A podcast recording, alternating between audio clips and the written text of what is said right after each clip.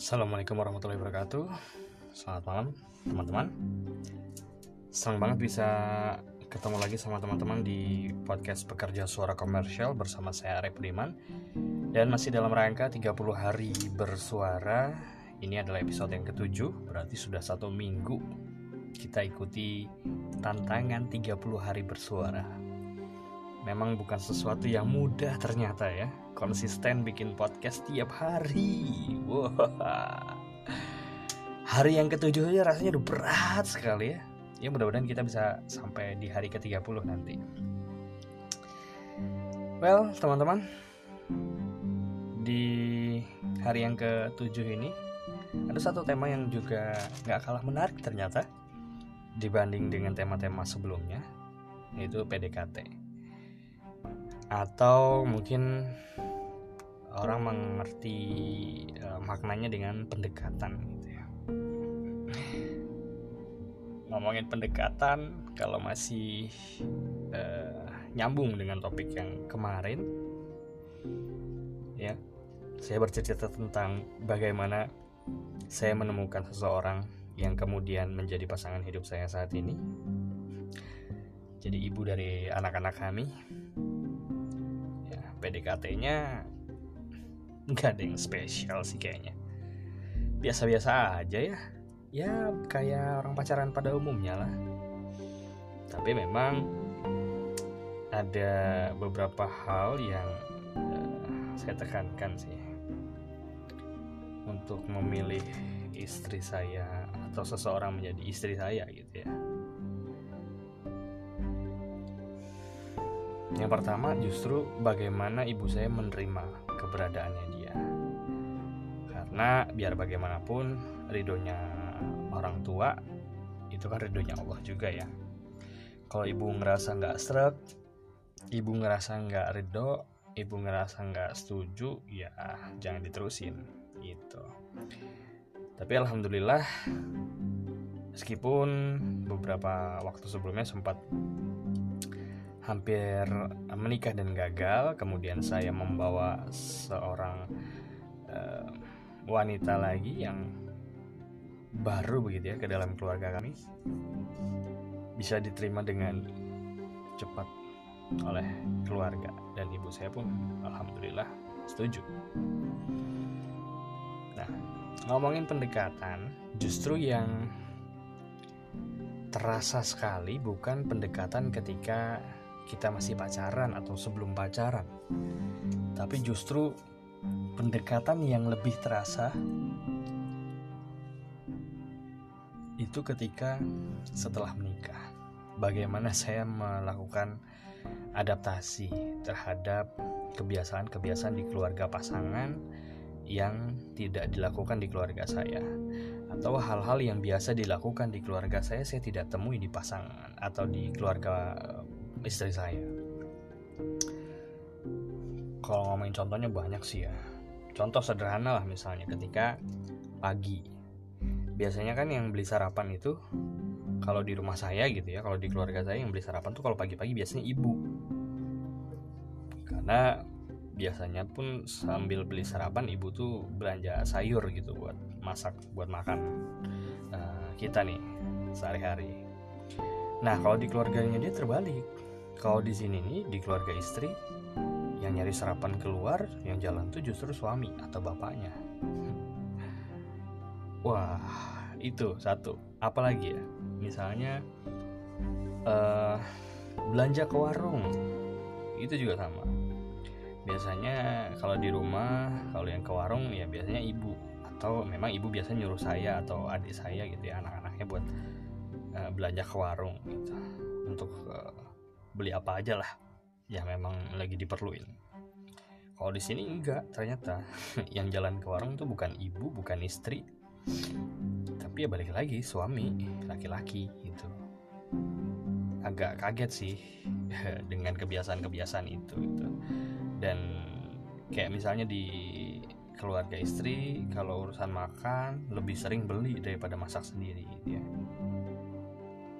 ya saya sudah terbiasa masak masak uh, makan masakan warung dibanding masak atau makan masakan rumahan. Karena ya itu memang kebiasaan itu. Nah, kebiasaan-kebiasaan yang berbeda ini yang saya justru perlu waktu untuk PDKT untuk pendekatan untuk beradaptasi juga dengan keluarga besar istri. Yang tentunya berbeda uh, pola didiknya pola asuhnya dengan keluarga saya begitu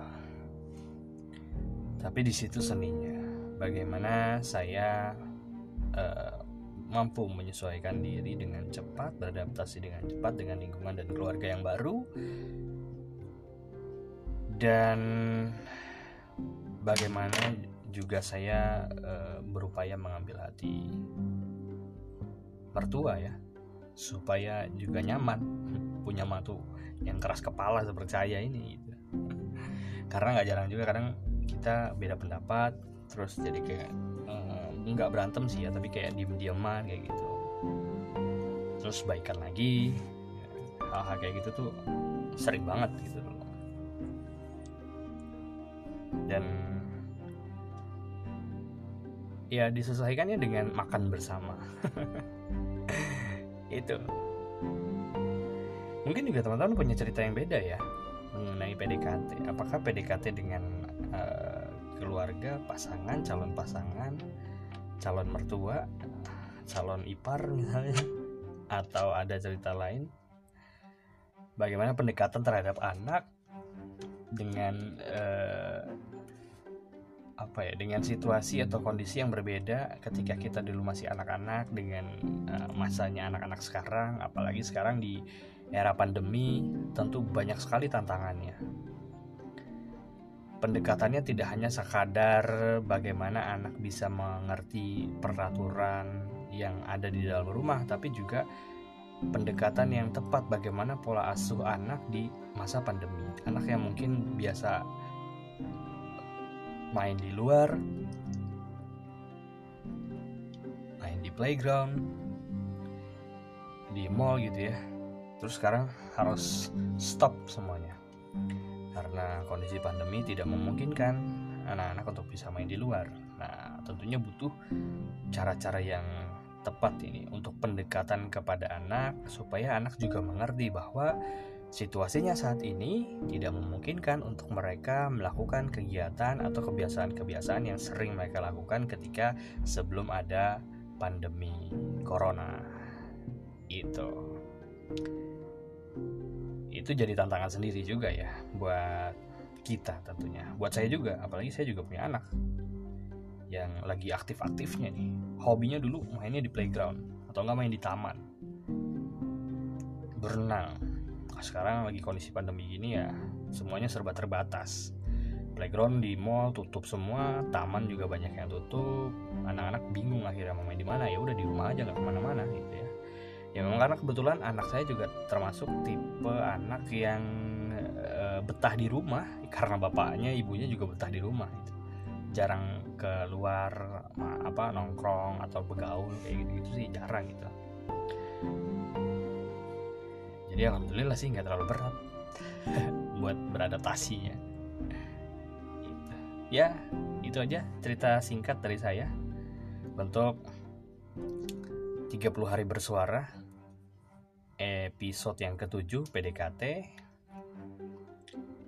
dan podcast ini seperti biasa saya rekam langsung di aplikasi anchor.fm